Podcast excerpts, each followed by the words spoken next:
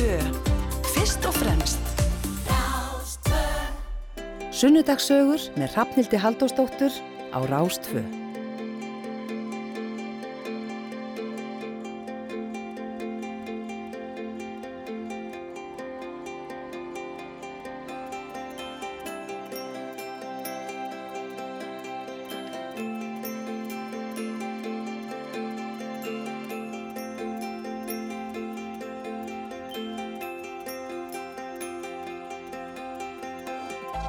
Komið sælbarsöð og velkomin í sunnudasögurnar hjá okkur. Sunnudagurinn 28. júli og uh, já, margi segja nú hvað sumar er bara að verða búið, en það er alls ekkert að verða búið. Ég held að verða frábær ágúst og alveg september líka. Það er náttúrulega við erum á svo góðu viðan hérna.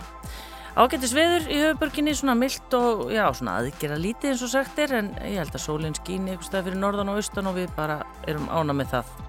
En við ætlum að eiga notalega stund saman í dag til klukkan þrjú eins og endra nær og ég fæ til minn tvo gesti og fyrir gesturinn heitir Kormokur Bragarsson, tónlistamæður og kennari og allt múlimaður hann Kormokur.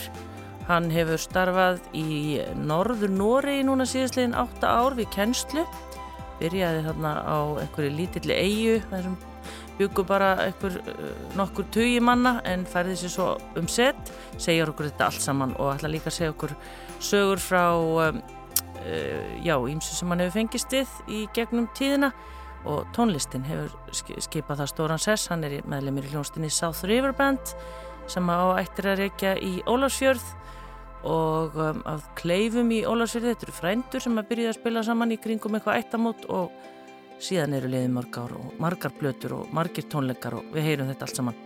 Og setningjæstu minn, hún heitir Elin Ingvarsdóttir, heitir að vísu stærra og meira nafni, við látum hann að segja okkur það hér allt og eftir. Hún hefur er fætt og uppælinn í, já byrjaði því að, að hérna búa í, í Brasilíu og færið sér svo til Kúpu en Mexiko hefur svona verið hennar heimaland uh, undanfarin ár og ára tíu og hún starfar þar uh, í málvísindum og er meðal annars mjög hérna, áhuga söm um indjánatungumál sem er verið að reyna svona varðveita sem að voru kannski á leið að glatast. Þótt ekki nógu fínt að tala svona frumbyggjamál þannig að það er verið að vinna í þessu í Mexiko og Elin er þar.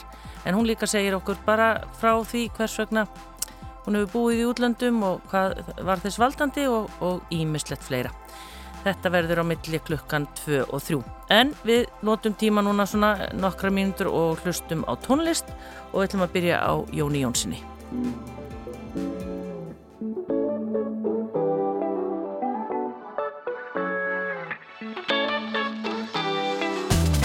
Kemur þú inn, allt verður bjart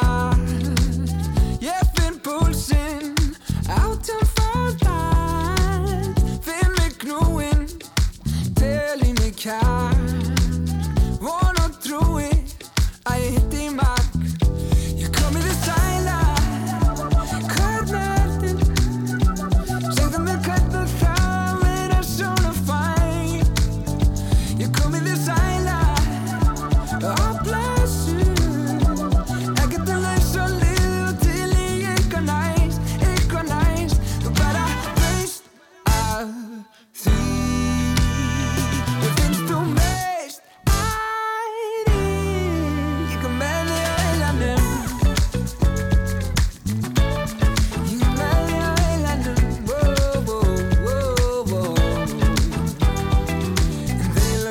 loksist orðið forðan í sér orðaforðin orðið tómur engin orð. Það sem ég sagði lagði ég samt ágætlega á borð. Núna upp með þér farð upp að mér Hvílíkt lífsvið orð. Núna ég finn númórið þinn Ef þú býður mér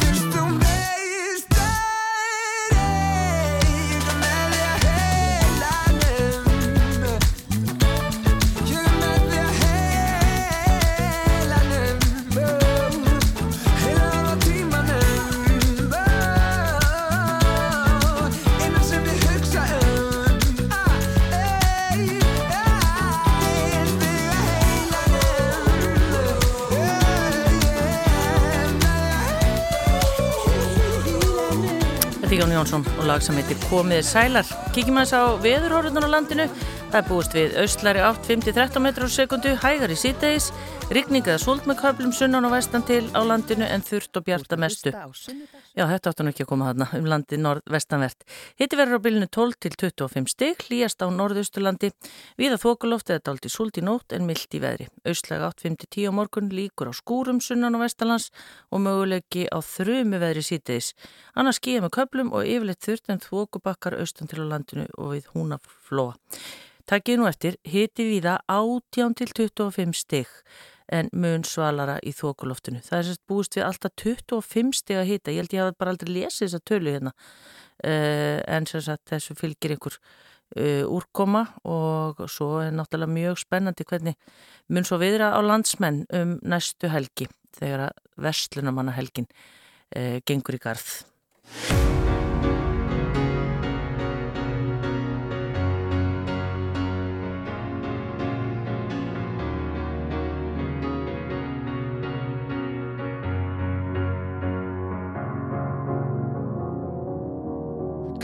Sky, cause you're a sky full of stars. I'm gonna give you my heart. Cause you're a sky,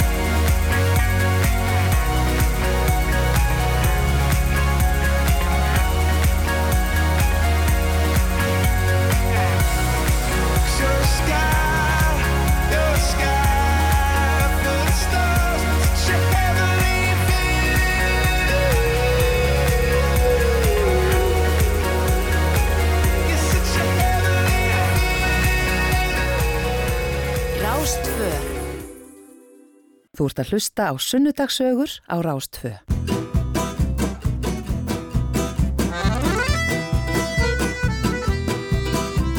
Jaumustandi andinni, illa komið fyrir mér. Ég vatn ekki upp af heimsins versta draumi. Sálinn beint til fjandast fer Fyrst hann ekki giftist mér. Ég glatast muni lífsins stríðast draumi. Alla stúrkurnar vilja eiga mig Eina þó ég ekki fæ Aldrei hennar ástunæ Er ég þó ansi mikil búin að reyna. Ástandið er ekki gott Allt í kring mig er blott Um að nýta mig í hjónabandi. Undan koma engin er Hörlug þessi ætlum mér Því ekki get ég yfirgefið landið. Alla stúrkurnar vilja eiga mig Eina þó ég ekki fæ. Aldrei hennar ástunæ Er ég þó ansi mikið píunnar þær poti mig í Partíum og bjóða sig Og ég má pröfa á allra handa máta. Og tengda mömmur takast á Allskist tilbúð fæti frá Að endingu ég undan verða láta. Alla stúrkurnar vilja eiga mig Einar þó ég ekki fæ Aldrei hennar ástunæ ég þú ansi mikið búin að reyna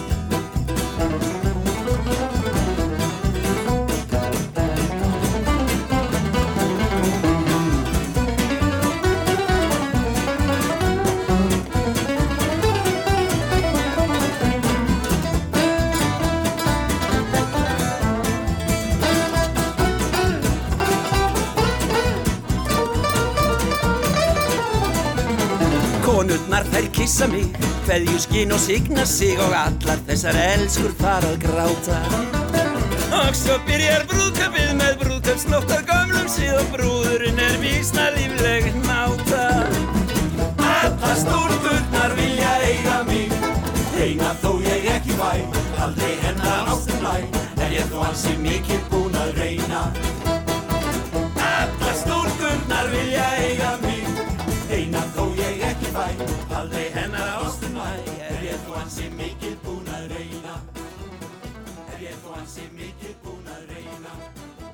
Hingaði komin fyrsti gestur í Sunnudasögun dagsins og hann heiti Kormákur Bragarsson. Velkomin. Takk. Er ekki eitthvað millinafn? Var þráinn reyndar Já, er það notað eitthvað? Eh, einstakar sinnum svona þegar ég skrifa eitthvað sem skiptir máli en En þau eru bæði svona írsk. Já, finnst þér það svona hátílæra þráin að hafa það með? Nei, já, það er náttúrulega þegar maður eh, hittir aðra sem heita Kormákur og það er til dæmis eh, skáld sem að hei, notar skáldarnafni Kormákur Bragason það, það rugglar kannski einhverja Já. Lagi sem við heyrðum að náðan, Allar stúlkurnar, þetta er svona úr smiðju South River band lag frá árinu 2011 síndist mér. Já, þetta uh, kom inn í dagskrona vegna þess að Óli fór einhvern tíman til Ungarilands og kom þaðan með svona nokkrar síkunaplötur gaf mér eina og ég fer að hlusta þetta þetta var ótrúlega skemmtileg músík það var til þess að ég gerði nokkra texta við nokkra þessu lögum og þau enduði inn á lagalistan hjá okkur já, og tvö eða þrjú á plötu já. Og þú ert náttúrulega að tala um Óla Þórðar, bróðuðinn. Já, takk Já, Óla í Ríó sem allir munum Óli vel eftir. Ríó, já. Já. Uh, við ætlum að tala svolítið meira um hljómsveitina eftir og þið er náttúrulega voru að senda frá okkur nýja plötu og eru búin að vera að spila og svona. En Kormungur, byrjum aðeins á byrjunni. Þú ert, þú ert að norðan, eða ekki? Jó, uh, ég er fættur á Akureyri 1955 og er svona svo kallega þorpari. Já, úr stóri fjölskyldu? Uh, Nei, ég er svona svona, hvað er að kalla örverpi, fæði svona eftir eftir, að maðurinn en mömmu hafi verið dáin í nokkur ár þá hittu hún pappa og ég var til. Já, þannig að þið eru semst sammæðir að þú og Óli Já, og svo einhver fleiri eða? Já, sko ég er náttúrulega elst upp með, með þeim. Já. sko, móður vorum fimm. Já, við erum fjögur eftir þetta, hérna, reyndar átti, mamma og Þórður tvíbura sem að annar þeirra dó mjög ungur sko, áður en ég fættist sko. Mm. En varst þú þá Kormungur með fullt af hérna, stjórnsömu fólki í kringu þig sem var aðlaði upp? Nei, ég held að ég hef fengið mjög þægild uppveldi sennilega alltaf frekur sjálfur og það var mikið látið eftir mér Já. og svo átti ég svo mikið að fallegum og góðum frængum en ég var eiginlega kessaður í klessu bara Já, alveg frá, frá fyrstu tíð já. Þú hérna, þið, þú varst ungur þegar þið fluttu svo til Reykjavíkur. Já, ég er ekki nema svona þryggjára þá flytti við í, í kjallanan hjá Hönnu Frængu sem þessu sýstu mömmu. Já. og teðadórmanninum hennar vorum þar í eitthvað ríflega eitt ár og fluttu svo í Kópavæn og þar ólst ég upp svona til, já þá til að bú með mentaskólan, Já, þá fór ég fyrst út einmitt. En þá, og, og, og þá náttúrulega Ríó 3 er það ekki á hátindinum, var ekki Rí og tríu, sko, það er svona minning sem að byrja mjög snemma. Já, og þeir voru held ég eitthvað um 14 ára þegar þeir byrjuðu, þannig Óli Saksþór meldur en ég, þannig sér þetta er alveg frá því að mann eftir mér. Já, og Óli var orðin það sko frægur að ég er til dæmis þorði ekki að læra að spila gítar mér fannst ég að Óli ætti það alveg ég, var alltaf svo vitlega sko Já. í staðin fyrir að byggja hann að kenna mér á gítar já. En, en, en þannig að þú, hérna, músikin, er, er því svona öll svolítið svona músikalsk? eða? Nei, Já, mamma var náttúrulega hörku sönguna og hérna það er svona allir fengist við eitthvað en það var mest Óli og svo ég því ég byrjaði ekki fyrir en að læra á neitt hljóðfæri fyrir einhvað 14 ára þá hafði Óli verið í tónlistakennarskólanum og þar áttu þið að læra á einhver auka hljóðfæri og hann pröfaði eitthvað að spila á flautu en fannst það ekki gaman og þannig ég komst yfir hana Já, og byrjaði að læra á, á flautu í tónlistaskóla Kópavós. mm. ertu að tala um þær, Þverflötu, já. Já, og hefur oft brúkað hana? Uh, já, ég spilaði þetta eh, náttúrulega bara á, á þessa þörflötu lengi vel og þegar ég er komin út sko, þá hitti ég náunga sem við vorum saman í, í leikusfræði í Oslo háskóla og hann var hörku gítarleikari og við björgum okkur oft eh, þegar við vorum blankir og þeir fara út á götu með flautuna og, og gítarinn og, og hann söng, var góðu söngvari líka og náðum okkur þannig eh, auka líferi Já, já. En hvað hérna, þú segist hafa, semst alveg stjúp kópanu varstu fórst í mentaskóla þar? Já, eða? ég er fyrsti árgangur í, úr MK Já, við vorum svo rosalega mörg uh, þannig úr, í Kópaveginum á þessum tíma að skólanir Reykjavík átti ekki tekið við og þá var stopnaður mentaskóli í Kópavegi já, og hann hvernig, er núna stór núna. Já, var þetta hópur sem að enn hittist eða heldur Já, það, uh, ég reyndar komst ekki þeir búin að hittast tvísvar Nei, það er nú ekki alveg rétt að mér.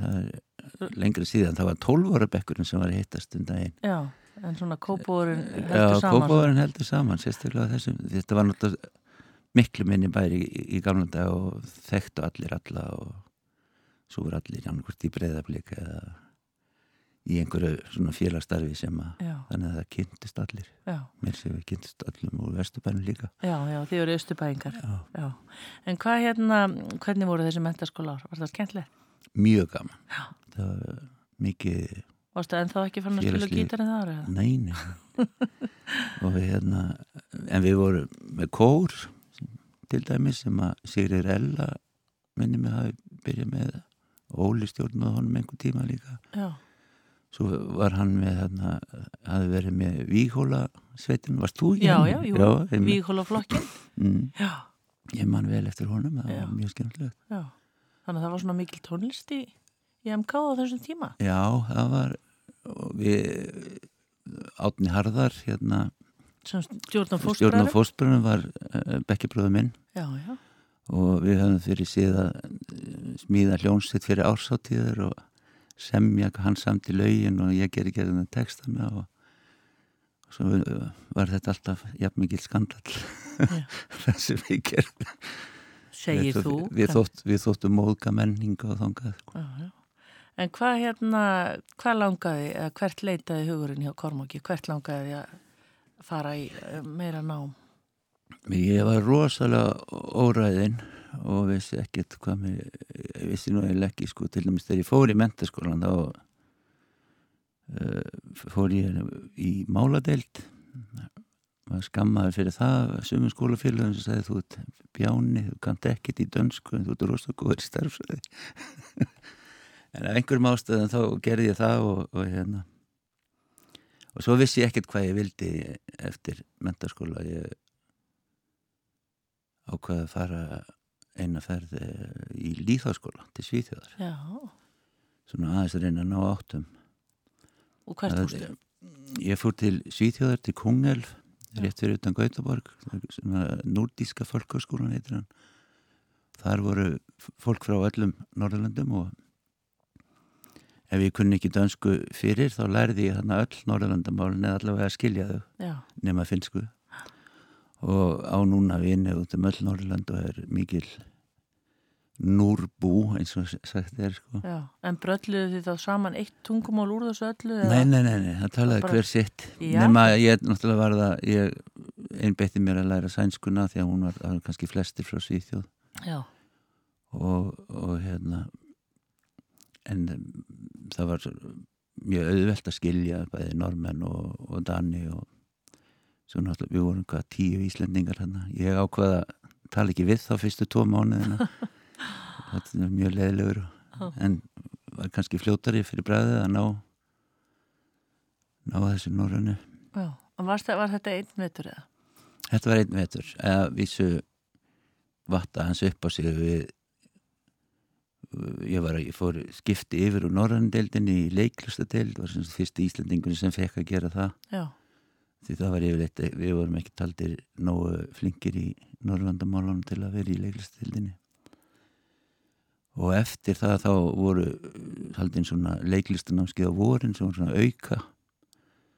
Og ég uh, var að hjálpa einum dönsku kennara hana í þessu í 2-3 ár. Mm.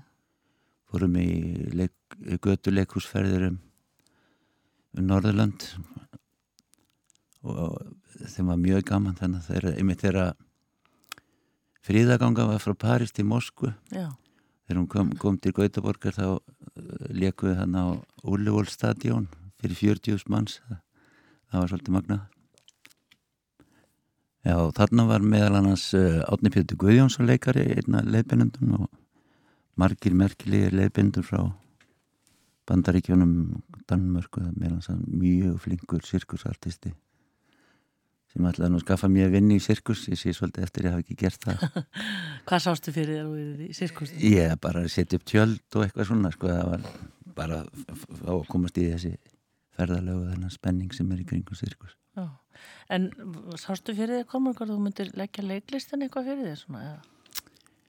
Nei, ég reyndar, það var náttúrulega gaman að því ég sendi inn umsókn í leiklistskólan í Stokkólmi og svo leið og beið og svo fekk ég send hlutverkin tilbaka og það var allt kvenn hlutverk. Já, Þannig ég hugsa að þeir, ég veit ekki, þeir veit ekki munin. nei, ég var reyndar svolítið síðhærður á þessum tíma, svo sendi mynd með þessum rætt. Já, hérna, en næsta meint í alvörunni, alveg, þeir sendu mér bara kvennlutur tilbaka, svo ég, ég fór aldrei. Nei, nei.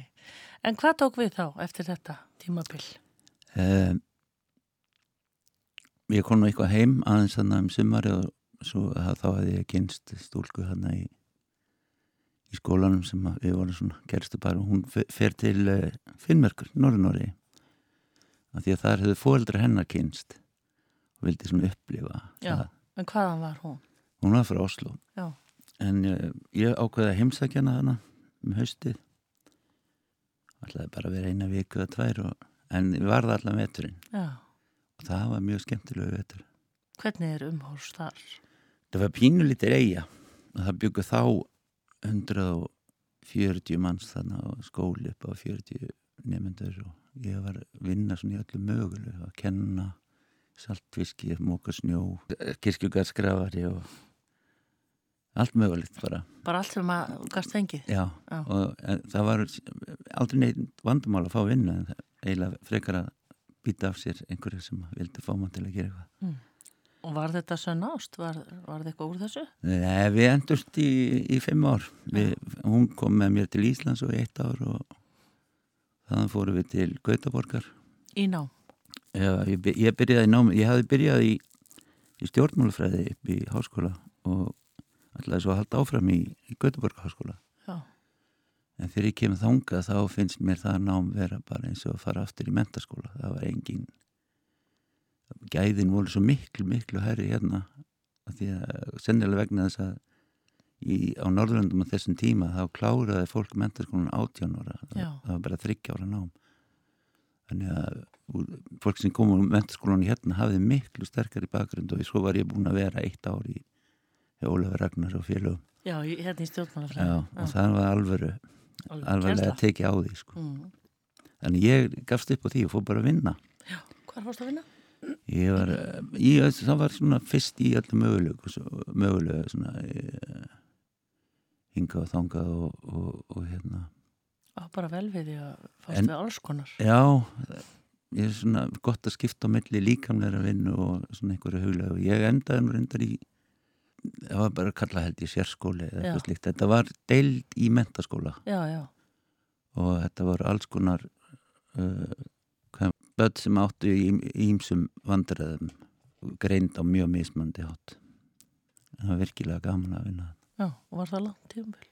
þetta var eiginlega vetur. Hvað varst að kenna bönnunum? uh, ég var mikið með þau í, í smíði og svona við vorum að kenna þeim alls konar til dæmis á hvernig þau geti ferðast um borgina og uh, búti mat og svona, þetta voru svona grunnþarfir sem að það var hugsinu var eins og að koma þeim á þann það stiga að þau gæti síðan sér sjálf Já, umhett. Uh, blundaði sem sagt í Kormáki Bragasni þarna kennarin, eitthvað? Ég veit ekki, það var eitthvað, svo nokkru se árum setna þá ég komin aftur heim og þá ringdi mig og vantaði einhvern forfallakennara, gamli, gammal kennari minn sem var þá orðin skólastur, ringdi okkur og spurði hvort ég geti hjálpað eitthvað til hana. Í hvað skóla var það? Kástinskóla. Kópavoginum. Já, og þá var ég í, í háskólanum, hafði komið tilbaka og verið, alltaf verið áfram í, í, fór í mannfræði og norsku. Svo fréttist það um allan kópa og að það væri hann að forfallakennari á lausu. Þannig að sími ringdi alltaf klukkan sjö á mótnana og ég átti lítinn míní sem ég kerði eins og vittlesingur um milli háskóla Íslands og skólana í Kópavegi. Já. Alveg heilan vetur, þá til ég fekk uh, uh, nánast fulla stöðu í kásniskóla, það var einn sem var ólétt og, og þá fekk ég bekkin hennar Já, sagt. Þannig að, og síðan hef ég lent í þessu ítrekað að gerast kennari þó ég hef alltaf stemt á að vera eitthvað annað. Já, umhett. En tónlistin á þessum tíma? Uh, Ertu bara það svona fórum að spila? kannski ekki mikið, sko, ég er náttúrulega fótboltagötti aðalega þegar ég var yngri Já, og fór mikil tími í það. já, varstu góður? Ég veit ekki, ég fótbrotnaði áður en ég var góður held ég. það var hann ári áður en ég fór til kungel þá fótbrotnaði ég og svo að Og var það færlinu lokið eða? e, svona um, megnum til eitthvað spila hann eftir það en, en hérna Mm aldrei neitt svona. Reyndar fekk ég tvö atunum tilbáð, Já. annars við verið í Portugal og eins við verið í Svíþjóð. Já, heyrðu þú svona lítið látu kormakur. Nei, þau voru ekki, þau voru ekki inn á hjóninum stórum liðum en, en hérna, En samt, en þátti samt að, að greiða einhverja peninga. En ég, það var það ekkert úr því. nei. En, en man, manstu þú hugsaður um hann tíma var eitthvað svona tó- tónlistin, þú slangaði að gera meira eitthvað úr því? Já, það sko, þegar ég var hann að 8, 10 og 1 byrjaði ég held ég í leikusfræðinni í, í Nóri og þá erum við að spila svolítið mikið ég og Turbjörn vinn minn hann að Út á götu? út á götu og svona eitthvað annað líka og þetta var nú mest gaman skert en það er ekki í rauninni en hann kendi mér svolítið á gítar er, við byggum saman, leiðum saman íbúð og þá, byrja, þá fyrst fór ég að læra hans á gítar Já. svo nokkrum árum eftir það þá er ég komin til Ólarsfjörðar að kenna þar og þá fyrir svona meira að föndra við gítarinn og reyna að læra á hann þó ég hefði þá ég var spilaði á dansljónsveit á flautu og saxofón. Uh, við spilaðum hann en nánast bara í Ólarsfjörðin það var alltaf ófært ángað það Já. komst engin ljónsveit en, en uh, svo uh, hvað, jú, það liði nú enn mörg ár. Ég hef búin að fara til Svíþ og verið þar í nokkur ár í háskólanum þar og svo kem ég heim og þá er haldinn svona um 2000 þá er haldinn svona hérna kallað, svo kallað kleifaháttíð á kleifum í Ólasfyrði Já, sem að þið eigið allar, allir við hefum flest allir, já, ættir að rekja þangað pluss það, en, en það voru, tóku allir þátt í þessu af öllum bæjónum en, það var allir stór hátíð, skemmtileg. En við hittist þannig nokkrir sem kunnum á hljóðfæri í stofin í Siðrá og fórum að spila upp úr einhverju söngbók sem menn fundu þannig. Og þetta var svo gaman að við spilum alla nóttina. Alveg fram að rauða morgun. Við, en það sem við vissum ekki það var að Helgi Þór hafi verið með einhverju vídeovél sem hann faldi bak við gardinu og tók þetta allt upp. Já, já, svo ringir hann í okkur einhverjum tveimum mánuðin setna og segir strákar við þurfum að hittast, ég held að sé hérna svolítið. Sem við þurfum að skoða. Og þá svona, gerist það að við fórum að æfa vikulega og, og gekk nú ekkert alltaf vel til að byrja með. Mm. mér stundum hann einhverjum lögum aftur og aftur. Og þetta er sem sagt uh, sáþrifuband, þetta upphafs já, það verður eiginlega til þannig Já, og það er þá Siðri Kleif Síðri á Siðri á, Kleifu. á Kleifa Já, það heitir eina Síðri Gunnóls á. Já, eh, og því þýttu þetta náttúrulega út bara út á hérna, alþjóða tengslin og fræðina að hafa þetta á ennsku raunin ekki sko. það var eiginlega tilvittnun til hljónsveitar sem var til hann fyrir ennþá lengra síðan sem að nonni frendi var í Já, og hétt South River Delta Blues Band. Já, já, og þá voru það nokkri saman sem spiluð á svona meira swing músík og slíkt. Já einmitt. En hvað er maður svona miða fyrir svona þetta ef við bara stöldrum að þessu, þetta lífslöp þitt þú ert svona kannski ertu svona flökku, flökku kind að eðlisfæri? Já, ég, ég fann að halda það því að um, ég er ekkert rosalega lengi á hverjum stað en samt sem áður, ég er til dæmis búin að vera núna næstum átta ári í Já. ég kenna þar Já, ætla ekki svo lengi nei og svona, alveg eins og það skipta allir með sem starf og svona já, það, það á jafnvel við þig eins og bara það að skipta um umhverfi. Já, já. Ég, þannig að kemur sirkusmaðurinn fram. Ég kannski, ég hef unnið í við ímislegt sko, Já. og hérna verið blaðamaður og einhvern tímann var ég nú með þætti hér. Og, og ríkisúttarpinu á annað ári sem þessi e, rástöða og starfaði þá var ég með þætti sem ég hitt á Norðurslóðum af því að ég hafði verið á Norðurlöndunum og þekkti svona til Norðurlanda tónlistar. Já. Segð mér aðeins frá hérna út eitthvað að börnum. Já, ég á þrjú. Hvað er þau komul? þau eru nú komin vel á legg e, ég á týpura sem eru 30 og 30 vegar Já, það eru tveir strókar já. Og dóttur sem er þreymur árum yngri. Og eru þau tónlist? Nei, ég gerum nú heiðarlega tilum til þess að koma þeim í það. Já, en bæði mamma þeir og, og ég við höfum líka verið að fórst við svona myndlist þannig að annars strákurinn hann er nú svona grafískur hönnur og hinn er reyndar að sko, einhvers konar fjármála maður og dóttir mín er vinnur hjá uh, barnavendunum til Já. Reykjavíkur held ég. En Kormakur, það er ekki tannig að þau þú eru ekkert að spila gítara því þú ert svo góður eða ekkert svo leis Nei, held ekki. Það er til mjög skemmtileg saga. Svo að ég byggum í Stokkólmi ég gerði það mikið ég, ég las fyrir strákana. Þegar þeir eru litlir mikið. Lága milliður og við lásum hverja bókinu fættur hann en stundum endi ekki að lesa og kom með gítarinn og reyndi að svæfa það með gítarspili. Já, og þá heyrði maður stund Nei, pappi, ekki gítarinn hvaða, hvaða Þið kannski kunna betra með þetta í dag ég, ég veit ekki vona það Já, en við tökum aðeins hérna Kormakur svona tónlistar svona hefðina á Norðurlöndunum og hér af því að það hefur kannski ekki skapast neitt rosalega mikil svona hvað er svona, folkmúsika eða svona, já, þessi tónlist hér á Íslandi, þetta er ekki rosalega margi sem er í þessum geira. Næ, sko, ég hef kannski orðið fyrir allra mestu áhrifunum frá Svíþjóð. Já, Þar er þetta mjög sterkar, sterkar hefðir og mikið af flinkum vísnasöngurum og, og ég hef alltaf svona haft mikið áhuga á textagerð og hvernig þetta vin, tengist saman. Já, mér er gaman að textin segi eitthvað heldur en sé bara sama lína náttúráttur einmitt. segi einhverju sögu. Og það er að finna í, náttúrulega bæði í Nóri og Danmörku mjög flinka Líka og Svíþjóð. spilar já, ég var uppáhaldi í öllum þessum löndum og Já, en af hverju hefur við einhvern veginn ekki náð? Auðvitað, ég er ekki að gera lítið úr þeim sem er að stunda þetta hér á Íslandi, það er samt eitthvað svona eins og við séum ekki alveg á sama, sömu línu. Nei, ég ég veit hann ekki alveg, ég hugsa að við séum bara svolítið öðruvísi heldur en hérna Norðlanda þjóðunar og séum kannski við höfum hort allt mikið náttúrulega til í vesturátt eftir stríð. Já, til Bandaríkjana og Englands og svona.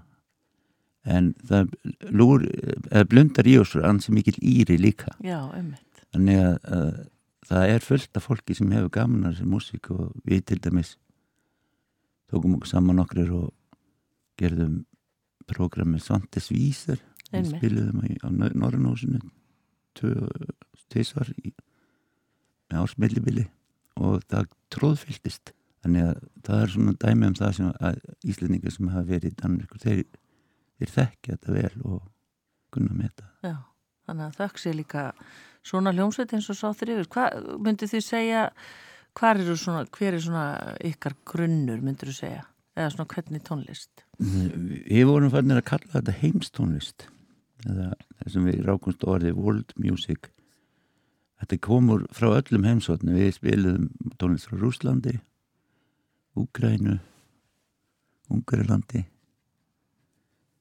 Fraklandi mann ekki, jú, Ítalíu Mm.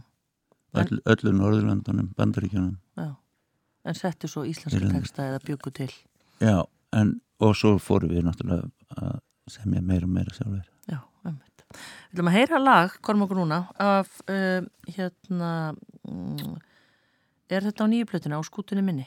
Já. Já. Þetta er lag sem að Óli samti fyrir talsett löngu síðan og gekk eitthvað illa að setja texta á það. Já, og Óli Svo- var annálaður skútukall. Uh, ég segi það nú ekki, uh, hérna, það eru kannski eldri bræði minni sem er meiri sjómenn. Já, en hann fór. En hann uh, kefti einhvern tíman ásamt einhverjum sjö öðrum skútu í Tyrklandi. Þeir áttu hana í einhver ár. Og er þetta, hérna, sagt, eh, hann, á hann lagið Já, og er textin þá um hann eða? nei, Helgi semur hann texta eftir að Óli dáin, sko. Já. Þá bara, að því hann var svo duglega, hann tók upp nánast hver einustu æfingu og við fórum að lusta á þetta einhvern tíman í Já. hitti fyrra. Mikilvægt. Já, annars þetta getur verið glata, sko. Já. Heyrum þetta lag af nýju plötunni með Sá þrjöfuband sem heitir uh, Sirkus, er það ekki? Mhm. Hér kemur lag sem heitir Á skútunni minni. Kárum okkur Bræðarsson er gestur minn, við ætlum að fá auglýsingar af því láknu og svo höldum við áfram í spjallið.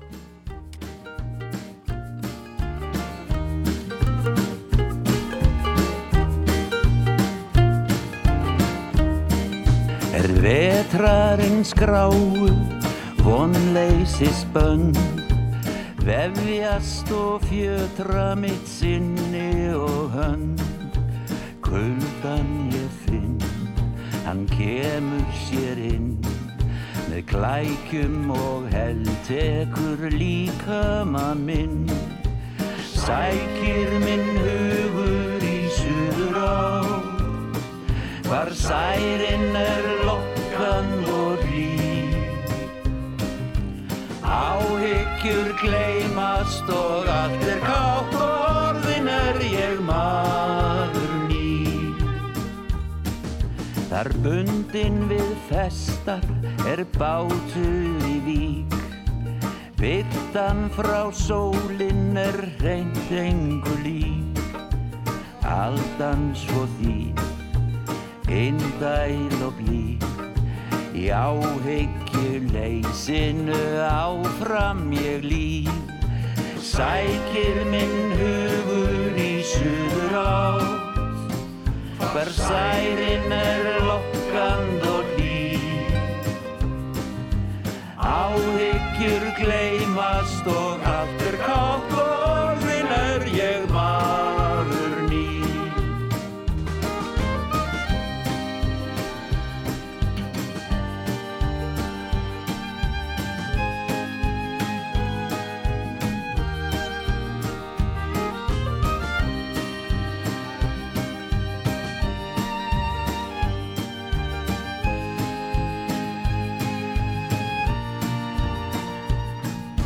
skútunni minni ég skjólið mitt á Í skítfyr og hörmungar þangað ein á Við miðjarðar sjó er mildi og fró. Minningar á ég um sælu og ró. Sækir minn Hvar særin er lokkand og hlý. Áhyggjur gleymast og allt er kátt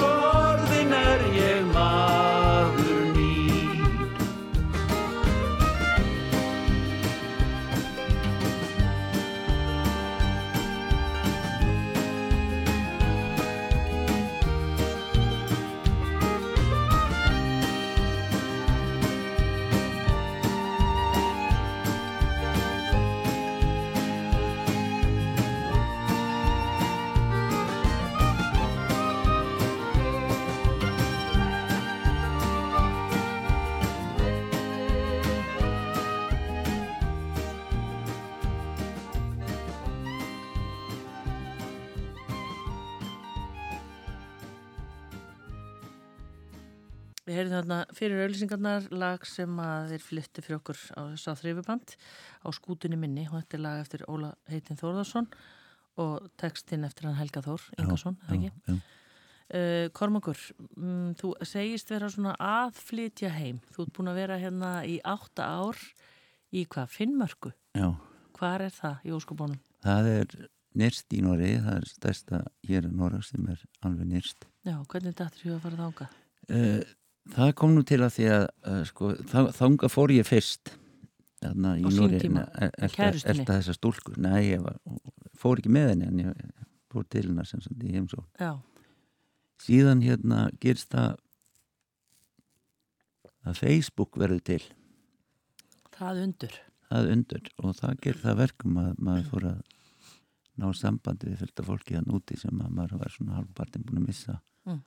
sambandi við og þar skrifaði eh, rektorsfrúin sem var á þessari eigu að það vantaði kennara og ég fór einhverjum fylglegangi að segja og ekki ég bara koma Mm. jú, jú, jú, jú, og ég fór að hugsa já, kannski kannski það sé ekki svo vittlust ég var svona eitthvað að milli vinna, Já. eins og maður segir og Og alveg þannig í norskun að þú treystið þig til að fara að kenna. já, ég var nú reyndar sko, þá hafði ég búið nýja ári í Svíþjóð þannig að ég var talsett mikið búin að sko, hafði verið náttúrulega í háskólanum í Oslo og, og kunni norsku en, en blandaði þarna pínu Já, á milli að því ég hafði verið svo lengi í Svíþjóð en það var tók mjög stuttan tíma að Mm. svissa yfir já, og hverjum varst að kenna? Hvað var þetta gömul? Ég var að kenna í uh, sem að, við köllum barnaskóla frá fyrsta til tíunda bekk Mm. Mest uh, fymta til sjönda Já, og hvaða fög? uh, eila öll. Uh, það var náttúrulega mest kannski svona listgrinnar, músík uh, smíði teikning og ma- teikning og svona þetta. Og svo var ég með einhverju tíma í samfélagsfræði trúabræðafræði og svona, ég veit, ég man ekki hvernig þetta var í byrjun sko. Nei, þetta var svona sitt lítið af hverju. En tónlistin, varst ekki því? jú, jú, og svo var ég líka, líka að kenna í þess að kallaði kulturskólan og þá er ég mér sér farin að kenna á gítar sko, Já, og flautu og, og og svo hérna uh, losnar staðan sem skólastjóri í kulturskólan og ég fæ hana þannig að kennslan í barnaskólanum minka alltaf meira og meira eða sem sagt ekki kennslan sjálf heldur hlutfalli já, ömmit.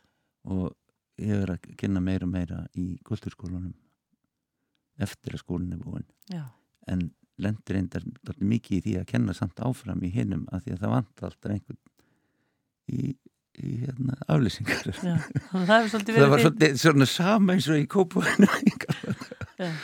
Þannig að þessi stutti tími sem vera átti urðu að átta árum. Nei, já, ná, rétt tæpum áttu árum. Já.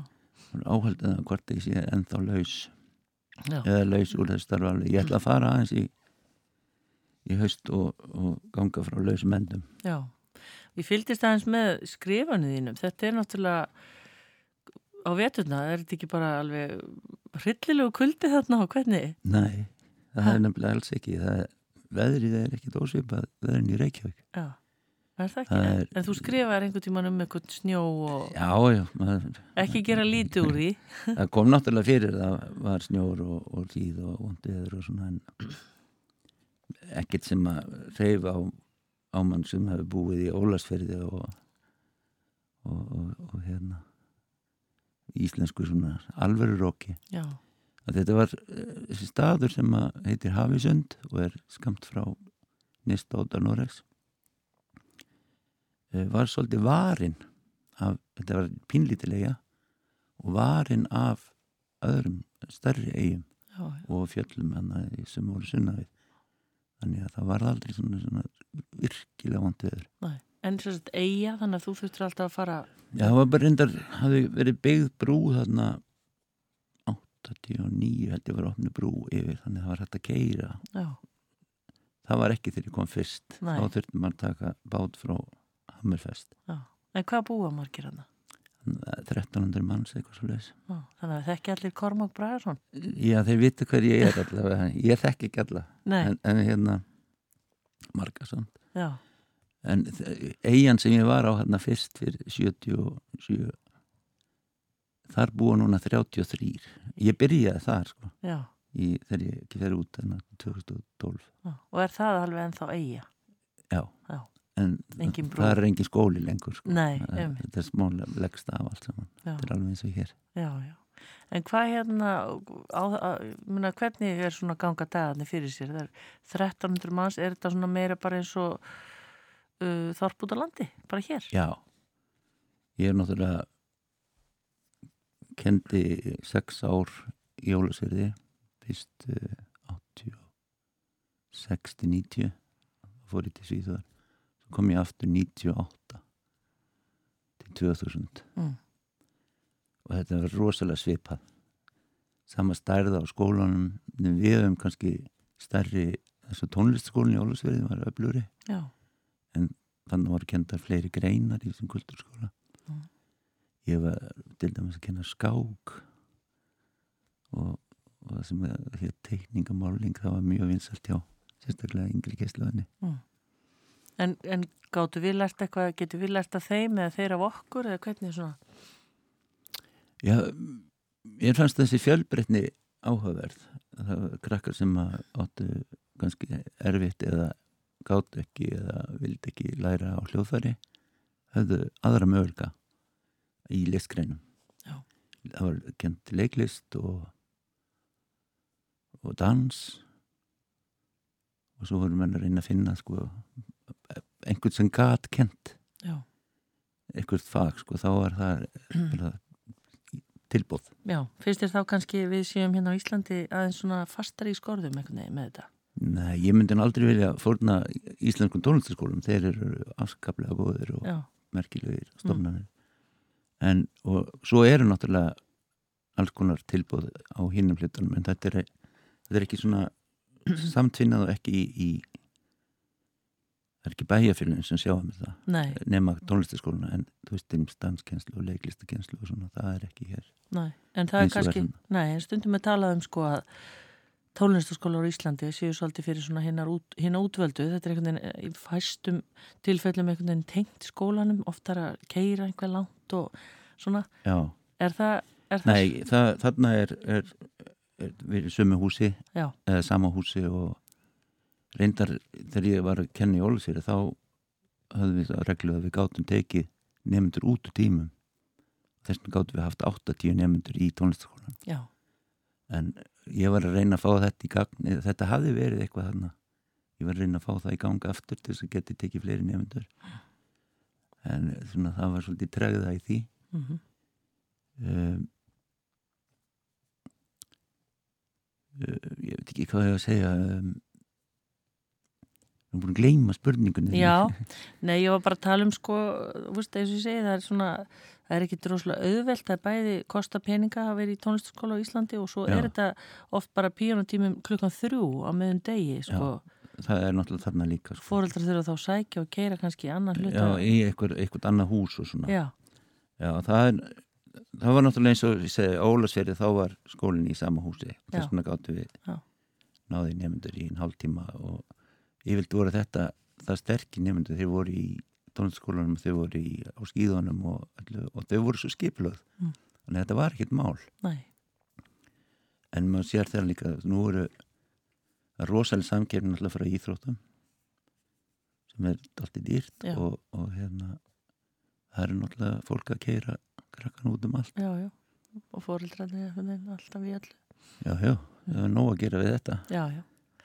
En Kormakur, hvað hérna, að þú er búin að búa lengi Svíþjóð, lengi í Nóriði, eitthvað í Danmarku Já. og svo Íslandi. Og þú segir að Íslandi er svona, við erum svona ólík hinnum. Er, er, er, er það þannig?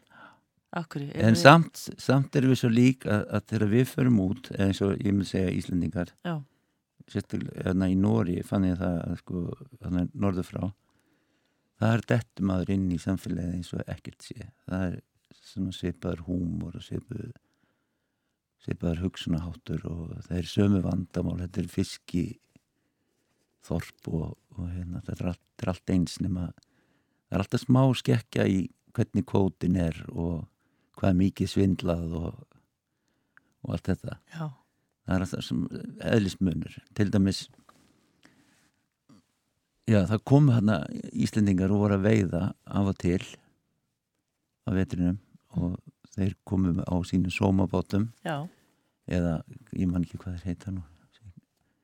Svona trefja plastbátum breiðum og stórum köpum sem að voru með autobytningu eða sem bytningavélar og gáttur lagt 13 til 20.000 króka 1, 2, 3 já, meðan að normennir geru kannski einn á gamalli dréttrilu og voru með 900 króka já, þannig að Íslendingarna voru ekkert vola vinsalir þarna nei. oft þeir eru búin að taka upp allan sjóin sko, þeir Já. eru búin að leggja allstaðar Og við erum alltaf einhvern veginn svona í tækninni, þá vorum við alltaf einhvern veginn fremst. Vorum, þetta, er, þetta er norsk uppfinning Já. en þeim dætt ekki huga að setja þetta í minni báta Nei, svo að, að, að hérna eins og þegar við ætlum að fara að kenna mannstu dönum á bara viðskiptalífið og allt Já, þetta. það var kannski einum og langt geng eins og er þarna eitt sem að mér fannst mjög spendi og hefði viljað að við lærðum af að upp á einu fjallinanna sem er eitthvað 400 metra hátt á þessari eigu Já, þar eru 16 vindmilur já, sem sem finnst ljótar en maður venst þeim sér vel og það heyrist ekkert alveg mikið í þeim. Og þetta er náttúrulega gífuleg rámansframlæsla sem kemur úr þessu sem 2,5 megavattu hverju með jafnvel, jafnvel meira úr þessari stæstu sem er hann að hún er held ég Mm. 3,5 megawatt og þetta er heilmikil agspot fyrir fyrir svona sveitafélag mm, taland um þriðja orkupakkan. já, það er Já, og, og, samtímis að tala um það að þessi ekki nóri afmagn á Íslandi þess Einmitt. fer allt í stóriði. En þegar þú ert að núti, Kormakur, hefur samband við þína svona, en, en uh, ertu mikið að hugsa heim? Ertu mikið í svona vafstrinu hérna heim að fylgjast með politíkinu? Ég veit, svona, svona mjög misjamt það fyrir eftir hvað er í, hvað er í gangi maður reyndar að fylgjast með sínu fólki og hvað er að gerast og, og les það sem er blöðin byrta á netinu og, og hlustar á sjóhansréttinnar og eitthvað svona Mm og svo fylgist ég líka með hvað gerist í Svíþjóð og hvað gerist í Nóri e, og Danmarku Já, þetta er allt svona þi- þitt heimasvæði. Já. Uh, þið eru nýbúin að senda frá okkur plötu, sá þrjöfuband. Hvernig, hvað hérna, voru bara svona mikið til, þú segir að hérna, Helgi hafi laumast þarna með upptökutæki og það veri bara mikið að lögum til sem voru ekki komin út. Já, og það er ennþá til meira Það er ennþá til. og, og hérna ég á, hendur nú einhverju út sko sem voru búin byrjaði að taka upp. Já, þetta eru 13 lög og það tekir nú oft bara meira nóg. En, en hérna En hvernig hefur hljómsveitin starfa svona eftir að kannski Óli sem var svona einhver ákveðin driffjöður hann í hljómsveitinni fellu frá? Uh, það var náttúrulega rosalega áfall fyrir okkur alla og, og, og hérna svo fluttu ég út náttúrulega skömmu setna til Norrlags og Gretar Ingi sem er kontrabassuleikari hann fór til Danmarkur Já, og er að vinna þar og verður líklega áfram. En svo svona vorum við eitthvað að spila aðeins þegar, þegar allir voru heima. Voru upp á, upp á hérna grens og svo spilum fyrir sjúklinga þar og eitthvað svona. Já, og kannski eitt og eitt gig en það var ekki mikið uh, sem ég tók þátt í allavega og en það var alltaf verið að tala um það en nú þurfti maður að fara eða við að fara að gera eitthvað. og loksins var það því núna þá. Já, og það var mjög gaman. Já, og þið eru hérna hugrækir, þið gefið út disk, ekki svo mjög margir gera á netinu bara. Nei, það er hérna það var kannski, þetta er kannski ofdirska uh, allir voru að tala um það að þetta væri bara úrelt dæmi sem það greinilega er en ég hafði verið í annari hljónsett milli, í millitíð hann sem heiti Gæðablóð og við gáum út disk sem að seldur svona í símsölu. Og það gekk rosalega vel. Já, þannig að kannski var svona einhver trú á því að, að þetta gæti gengið einhver þennan hátt. Já, þá hefðu bara öll fyrirtæki sem hefðu verið í, síms, verið, voru í símsölu hægt að selja diska í símsölu þetta var að borga sig ekki fyrir þá lengur sko, þannig að þetta verður bara að seljast á netinu svona, fólk Já. hefur samband og... já. einmitt. Þið eru búin að fara í smá, þið spiluðu í Norrannu húsinu og fóruð ekki svo eitthvað, Nei, við spiluðum á Keks já, nei, fyrir ekki á keks. og svo fórum við norður og spilum í deglunni Já, það var eiginlega búið að semja við græna hattin en þess að Gretar komst ekki heima réttin tíma þá var þetta flutt yfir í degluna á mánudaskvöldi og samtfjöld úr. Já, þannig að gefur það þannig koma ekki, já, en gefur það ekki hérna sáþrýfuband svona byrjundi báða vangi? Já, við eigum náttúrulega í gegnum árin uh, svona einhvern tryggan hóp aðdánda Mm. og mikið frænt fólki. Já, já, sem læti sér sjálf á vanda Já, og já, hefur svona gegnum árin stutt okkur diggilega allt sem við þurfum við förum stundum í jólusjörð og þá fáum við að vera á síður á eða í aðri eða einhverstaðar sem að frend fólkið á húsnaði já. Mónum að sáþrýfuband bara lifið sem lengst. En áður en við heyrum hérna síðasta lagið, Kormakur, hvar sér þú þig svona í framtíðinni? Ætlar að halda að vera svona flökku kind? ég, ég veit það ekki það er, það er alltaf gaman að ferðast og ég hef áhuga því að gera meira því núna setjum tíð og en ég hef náttúrulega mjög mikið áhuga því við virkilega förum í gang með með að þreið band og uh, það er fleiri tónlistamenn sem að ég hef verið að vinna svolítið með sem að mér langar að halda áfram að Mm. vinna með núna þegar ég kem heim Já. Að meiri þú- tíma Já, heldur þú hafið þá svona kannski mm, næstu árin svona svolítið kannski meiri áherslu tónlistina heldur hún verið hefur. Þeirra langaði svona að setja svolítið svona kraft í það. Já, svona meira heldur en við hefur sko, ég var reyndar spilað í lúðrasveit þarna út í Nóri sem var hansi gaman og ég og stjórnandi þar náðum að endur við ekki skólahljónstina var það þó þærflutan sem að Já, ég spilaði þærflutu þar, já, Já, já, en, en sem náðum að endur ekki lúðrasveitina í skól, skólanum. Þar varum með 40 nefndur þar. Þannig að það var mjög skemmtilegt. Mm. Ég var ekki vona að ég færi í lúðrasveit hér. Nei. En uh, eitthvað verður gert vonandi sem mest og langar myndi alltaf til að fórst meira við myndlistina líka. Já, en ertu núna þegar þú sagðir heima á þann ertu þá að tala um Nóri eða Ísland? Nei, ég, heima er náttúrulega Ísland. Það er breytist ekkert. Hefur alltaf verið. Mm. þú þarft bara að fara aðeins út og svona ganga frá ykkurju Já, ég ætla að skreppa aðeins í haust og það ég var að búa til listaverk með krökkuna þar sem er ekki alveg tilbúið. Nei, um verða að klára það. Já, en fyrir hérna aðdáðandur sá þrjöfuband, er eitthvað svona komið á reynd hvað þið spilir næst? Nei, Gretar þar vendilega er bara rétt ófarin aftur til Danmarkur og við þurfum svona aðeins að skipulegja Matti er að flytja og við, við smíðum stúdíó í fyrra Já, í kellarinn hjá honum og nú þurfum við að smíða nýtt í, í sumar og það er svona verkefni sem er ég sé fram á að við verðum eitthvað í já. Við allavega býðum spenntu til því að fá fréttir af. og og svo er svona fundahöldum það hvernig við best höldum þessu áfram Já. Kormokur Bragarsson, ætlum við að enda þetta á uh, öðru lagi af nýju plötunni og það heitir Mér er sagt að ég eigi séns. Já, þau hugsaður. Er þetta, er þetta segðu okkur aðeins frá þessu lagi? Þetta er lag eftir uh, Matta Já, sem var uh, hafi verið svona á æfingum í 5-6 árið eitthvað laus. Hún kom aldrei í texti við, af þeim og svo allt í henni þá rifjar helgi þarna upp gömul meðslenna var í, á dansnámskiðum mm, og réði ítla við enskan vals og þetta er svona já, minningin um hvernig hversu erfitt það var Já. Kormokur Bragarsson, takk fyrir komuna í sunnudasögur. Við endum þetta hér á lagi með sáþri yfir á nýju plötunni þeirra. Mér er sagt að ég eigi séns og við slum hlusta á það hér. Takk fyrir komuna. takk sem þess Sunnudagsögur til klukkan þrjú í dag. þrýr, fjör Ba, ba,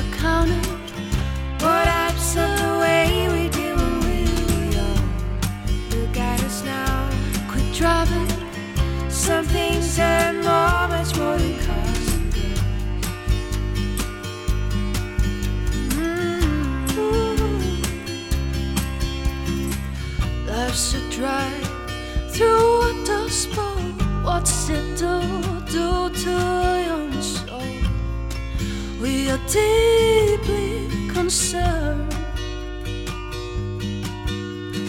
Someone stops for direction. Something responds deep in our engines. We have all been burned. Will heaven wait or heaven lead over the next horizon? Look at us now, driving. Some things are more, much more than cars and girls. Just look at us now, stuck counting. What apps of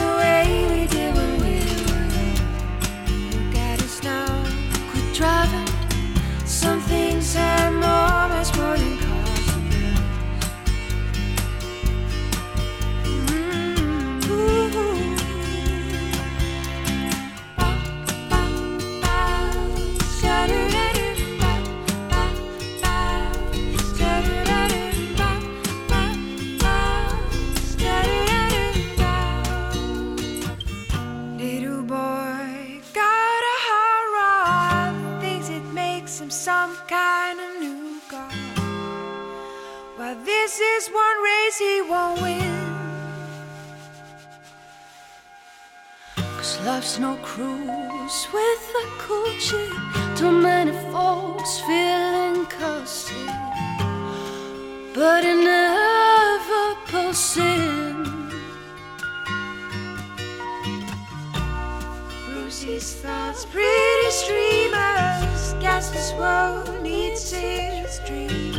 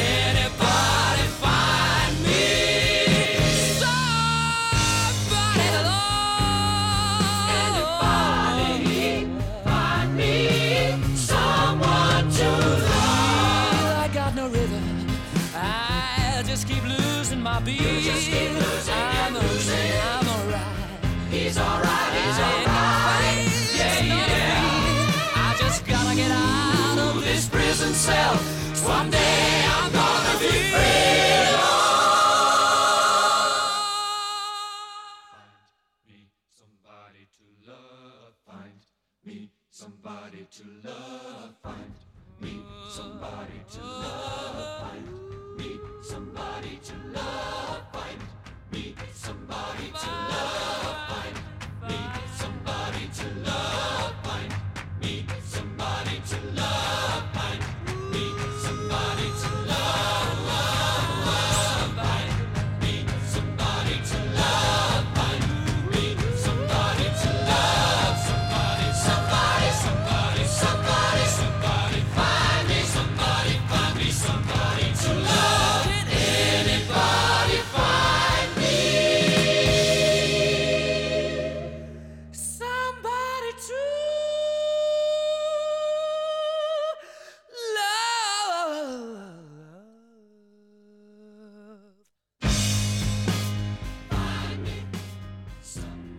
föstudagsögur með Rafnildi Haldórs til klukkan þrjú í dag.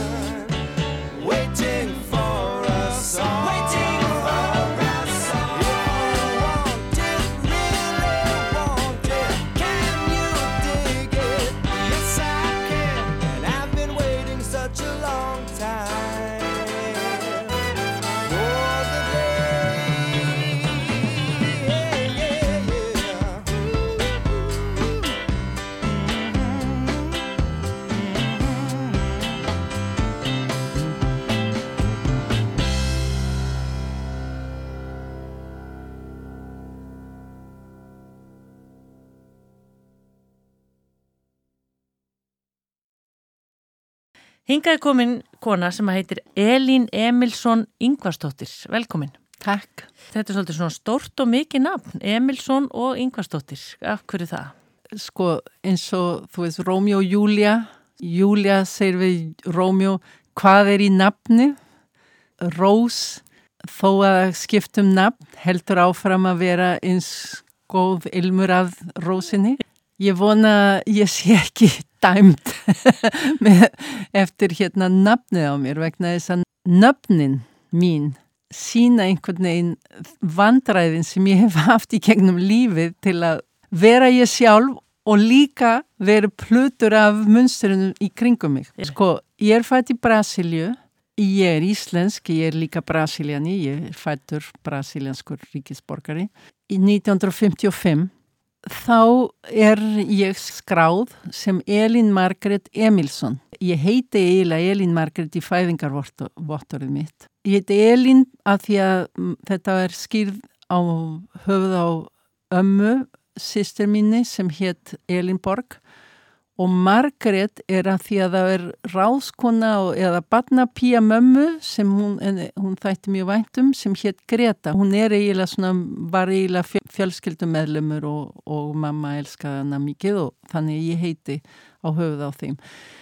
Og svo Emilsson vegna þess að í Brasilju þá er, þeir, þá er eftirnafn föðurins er eftirnafni sem er fær.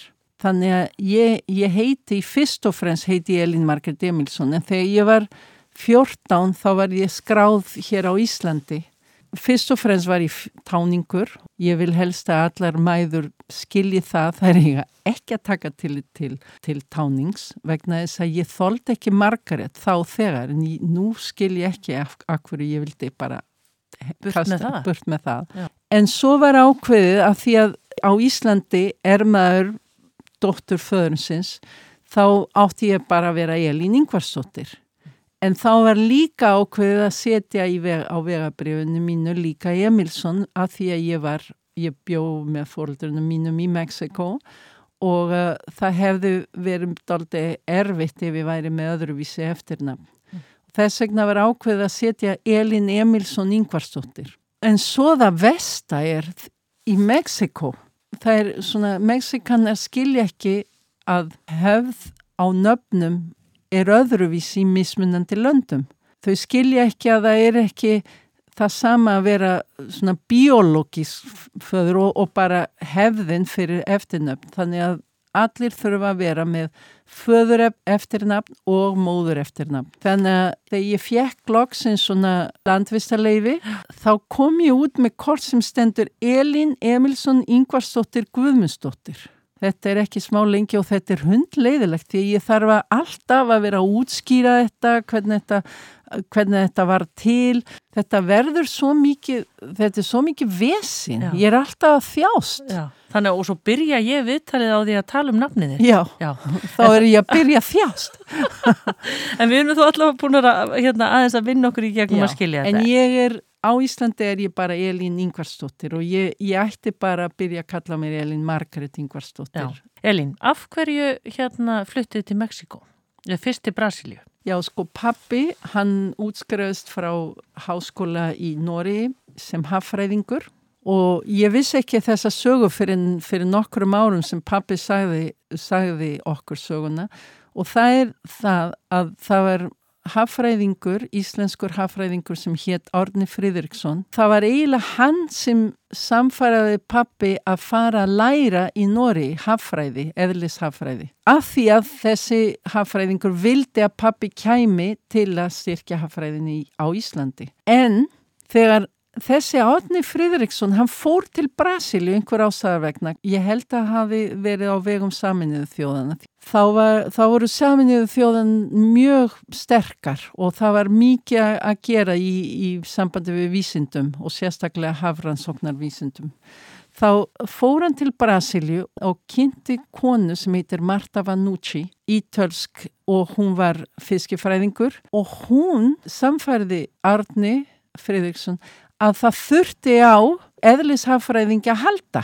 Þá kemur orðni til pappa, pappi var að nýjútskrifast og segir, heyrðu, það er vöndun á hafræðingi í Brasilju. Og pappi segir yes sir, ok, þá er ég farin til Brasilju Já. allt í einu er pappi farin til Brasilju 1953 og í endan á 53 þá fóru mamma og uh, bræðnir mínir, þau, þeir voru held 5 og 3 um það bil til Brasilju á saltfiskskipi og, og pappi na, náði í þá í, í hérna, Rio de Janeiro. Og þe allt þetta er allt sagt í brefum sem mamma skrifaði afa og sem við erum að, að skrifa niður og við erum að hugsa um að þetta ver, geti verið mjög skemmtilegt fyrir íslenska, íslenska fólkið að lesa um. Þetta er svo skemmtileg bref.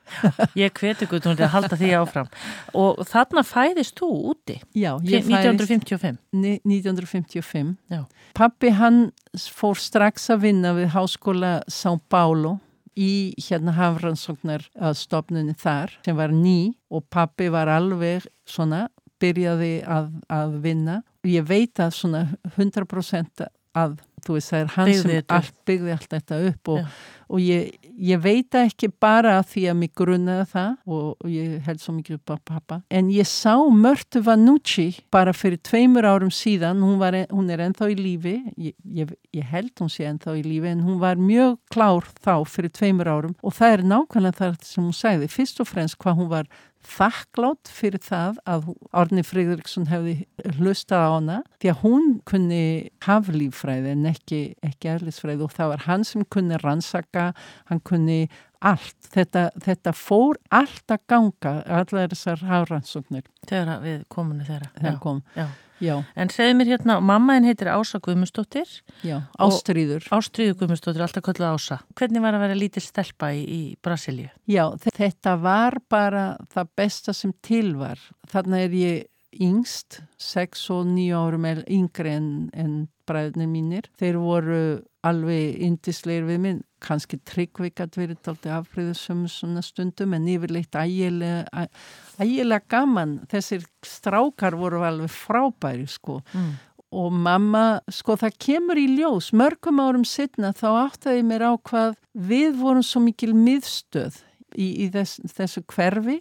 Flestir af krökkunum voru af hollenskum ættum. Þetta voru hollendingar, fleiri fjölskyldur sem voru við, þetta eru vinafólk okkar, við tilheyrðum með jafnvel hollenska klúpin og svo var fjölskyldum Martu Vanucci, þessi, hún er liggur við, hún er fyrirmynd fyrir mig sem vísindamaður, vísindakona. Og sonur hennar var líka okkar vinn, þannig að það voru, það voru hollendingar, þessi íslensk fjölskylda og, og þessi litli af hérna ítöskum ættum, en við vorum náttúrulega brasílensk. Já. Þetta var svona melting pot, sko, Brasilia, jáfnvel, ég held meir og sérstaklega São Paulo meir hen, heldur en Amerika á þeim dögum var, maður var Brasiliani strax og maður var komin til Brasilíu og krakkarnir voru, við vorum öll brasiliansk og við bara vissum að, að fóreldrarnir okkar ættu rætur að reka Annað. en annað en, en við vorum bara brasilianar. Já. En heimilin ykkar, töluðu þið alltaf íslensku? Já, og heimilið okkar var íslenskt og ég átti að, þegar ég byrjaði að pæla í þessu mörgum árum setna því ég þurfti að ákveða hvað, hvað, hvað svona kvikvendi ég var, hvaðan ég var, hvað ég var eiginlega, að ég var alltaf að reyfast. Þá áttaði mér á hvað ég er bara íslensk, ég er bara íslendingur að því að ég órst upp í litla Íslandi alla mína æfi, eiginlega þanga til fóreldrarnir mínu dóu og mamma dó 2015 og pappi dó 2016 því að, þannig að þetta er bara mjög stutt síðan Já. og ég hef eiginlega alveg stanslaust haft verið í samband við þá. Við, við bjökum í Brasilju, í, í litla Ísland þar, svo vorum við í, á Kúpu. Því miðurum voru bræðurnir mínir ekki lengur með okkur því að þeir, þeir pappi skildu þau, þau eftir hér, þeir, þeim eftir hér. Og svo í Mexiko og svo þegar ég eignaði spött, við vorum í sama, byggð, á sama byggðinni, þá varð bara lítið litla Ísland allt, allt því að það uppkvötaði ég þegar mamma dó 2015 að allir krakkar sem hefðu verið krakkar þegar krakkarnir mínir voru að alast upp, þau sjá, sáu mömmu sem alheims amma því að hún var alltaf til í að gefa þeim smákökur og það var alltaf einhvað, þú veist, alltaf til og dittnar alltaf opnar og gaman að vera hjá þessari ömmu, Já. íslenskri ömmu. sem var alltaf til staðar Já, veginn, alltaf til staðar meðan pappi fór, þó að hefði farið á eftirlaunum, svo fekk hann aftur stöðu í, við Háskóla Mexiko. Því að hann fara, þurfti að fara á eftirlaunum þegar hann var 60. Í UNESCO þá er 60, þá er maður skildugur til að fara á eftirlaunum. Þá, þetta var 1987. Mhm.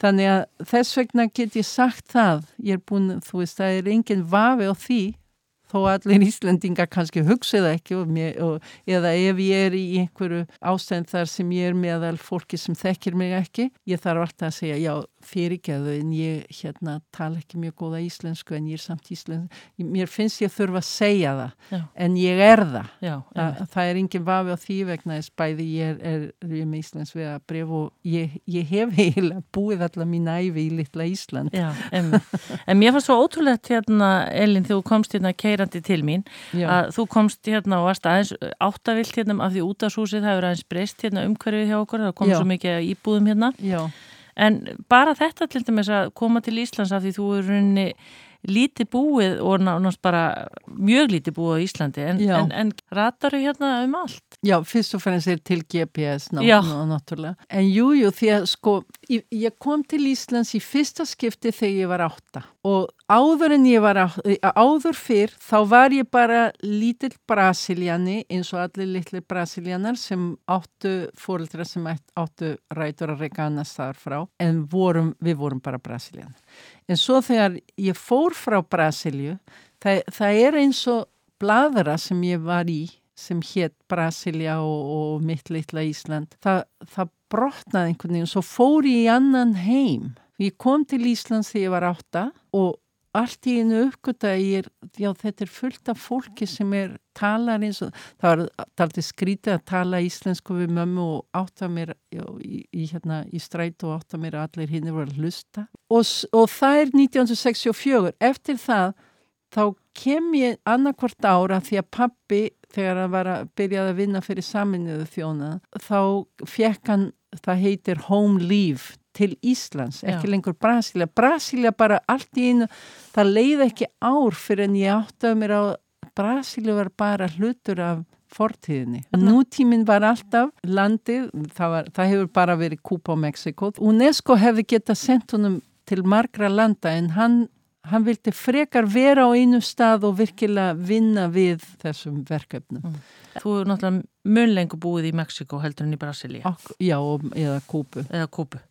Hvað hérna, hvað ertu gömul þú flyttur í, í burt frá Brasilíu? Ertu, Ég er átta Já. og svo vorum við þrjá mánuði hér á Íslandi meðan pappi var að undirbúa heimili fyrir okkur, mömmu. Spræðnir urðu eftir hér. En, þá flyttið þið til Mexiko, nei, til Kúpu. til Kúpu. Var, var þar, við byggum þar í fimm og halv ár, mamma, pappi og ég í litla Ísland. Mm. og, um, og svo var ég 14 þegar ég kem til Mexiko ég vildi ekkert vera í Mexiko og, og ég held að þetta gengur allt í, út á, þú veist, maður hefur þessa hugmyndum heimurinn og ég held sérstaklega Íslendingar eru mikið fyrir að vera í nútímanum. Og Mexiko var einhvað, ok, gaman að fara heimsækja, ég elska píramítana en pappi átti að fara til Parísar. Mikið var þetta niðurlægjandi að fara til Mexiko.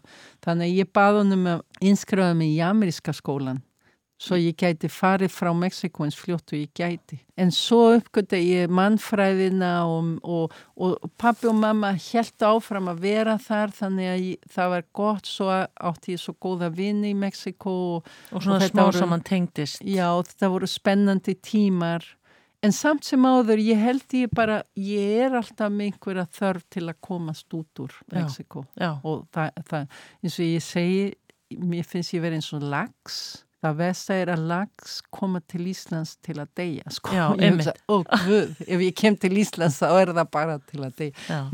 En hvað hérna, segðu okkur svona aðeins frá þínu? að mörguleiti, ég held ég hef þurft að gera meira ákvarðanir en aðrir meðlimir fjölskyldunar Já, taka svona stærri ákvarðanir. Já, en, af, en, en samt sem áður ég held svona sem bæði karakter og menningu og, og fjölskyldu svona dýnamik þá er ég alltaf að reyna að finna svona jafnvægi einhvern veginn til dæmis, ég var í Mexiko, ég var daldi mikið í svona pólitík og, og, og ég demdi mig, ég var alveg í, í hérna menningunni, svona í háskóla menningu, ég, ég vann við háskóla Mexiko og, og ég var í, ef að, ef að það þurfti að vera hérna verkfall og svo, ég var í því og allt, en ég kom alltaf heima heimsæk, ég bjó ekki hjá mér og pappa, en ég, við bjökum mjög nálagt, ég kom, fór alltaf að borða mat á sundugum og ég byrð pappa og pappa að innskrifa mig í ameríska high, school, mentaskólanum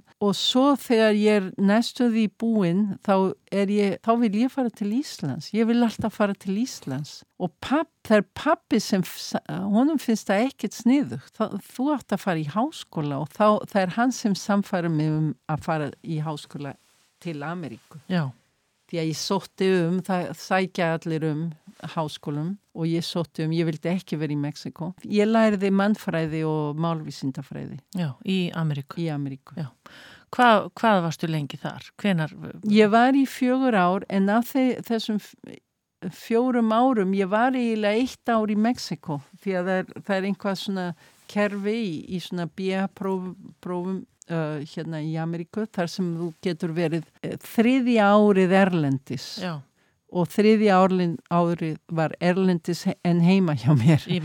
Og ásend til þess var einmitt að því að ég vildi læra ég var að læra mannfræði og allt í einu var veist, þá byrjaði ég að sjá Mexiko frá öðrum sjónarmið, þá, þá er þetta mjög áhugavert. Já, og, og svo náttúrulega byrja ég talandi um sjónarmiðin breytust allt í innu finnst mér þetta að vera ó, ég er svo mikið nútíman ekkert var, það er ekkert var í því. Það er miklu meir var í að skilja heiminum og, og sjá hlutir frá öðrum sjónarmiðum og, og þá byrja ég líka þú veist, mér er alveg sama hvort ég sé ríka það ekki. Og svo er þetta líka hippatímar og the 80's og við erum og, og þú veist, og ég er mikið fyrir indjána fólk og ég sé þau eru miklu menningaríkari heldur en við í nútímanum og ég byrja, þú veist, allt byrja að breyta sér og þetta er allt í Mexiko þannig að þið langar í rauninni til að skoða þetta betur. Já, samt sem áður Þegar ég ætlaði að ljúka við námið mitt í Brandæs, þá segja við pappa, heyrðu pappi, ég vil fara til Íslands. Og hann segir, ok, þú mátt fara til Íslands, en kontu og verðu hér á sumri til. Og, og þetta sumar var alltaf langt sumar. En þú komst til Íslands og varst að kenna í Háskóla Íslands? Já, 1989. Já. Þá er ég loksins. Þetta er svona, það er eins og ég bý til einhverja svona hugmyndum hvað ég að gera og svo er fullt af Já, og þá er svo mikil baráta ég held að þessi lífi mitt gengur út að gera einhverja baráttu til að koma því að ég, ég veit líka að fara til Parísar og ég fór loksins til Parísar þegar börnum við voru þryggja og fimm ára en, en Elin, þegar þú kemur til Íslands og ert að vinna hérna í Háskóla Íslands við kennslu, var þetta þá einhvern veginn að því þú þráðir að fara til Íslands en samt valdur ekki droslega lengi á Íslandi? að því ég gæti ekki annað ég, ég hef, þú veist, ég var komin með fjölskyld, um dóttir mín hún var eins og háls, hún var með okkur, með mér, en maðurinn minn hann var í við Háskóla Mexiko Er hann frá Mexiko? Hann er Mexiko, mexikanskur og ég var á Orlosári ég var ekki með vinnu hér ég var með, ég menna, ég var með ég fekk vinnu, ég fekk eiginlega borga, það var eiginlega gaman og það er, sko ég hef eignast vinni í gegnum ári, míslendingar sem hafa komið til Mexiko, við, við verðum góð, góð við, það, það verður góð vinnáta og, og þau eru þau sem hjálpa mér kannski að fá einhvað út að, því að þau skilja mig og eru, eru svona eiginlega alúlega við mig og, og mm. hjálpa mér mm. þannig ég fekk þessa vinnu í gegnum vinkonu sem heitir, hún heitir Sigrun Eiríksdóttir, hún er, hún er þýðandi, mjög góður þýðandi, ja. en þannig að ég gæti ekkert verið eftir, ég hefði satt að segja, ég hefði haldið áfram að vera. En fjölskyldan gekk fyrir. En það er náttúrulega maðurinn og svo eru fóldrarnir mín að mörguleiti hef, hefur það spilað svo mikla rullu að vera nálagt fóröldrum Já, já, einmitt. Mhm. Við ætlum að gera núna örstu hlje og Já. fá okkur aðeins vasklas. Uh, Gestu minn er Elín Emilsson Ingvarsdóttir eða Elín Margret Ingvarsdóttir eins og hún vill bara láta kalla sig hérna á Íslandi. Uh, við ætlum að heyra ævintýri hérna legt bara líf hennar hér. Tökum örstu hlje, fáum nokkur auðlýsingur og höldum svo áfram eftir smástund. Sunnudagssögur með Hrafnildi Haldósdóttur á Rástfö.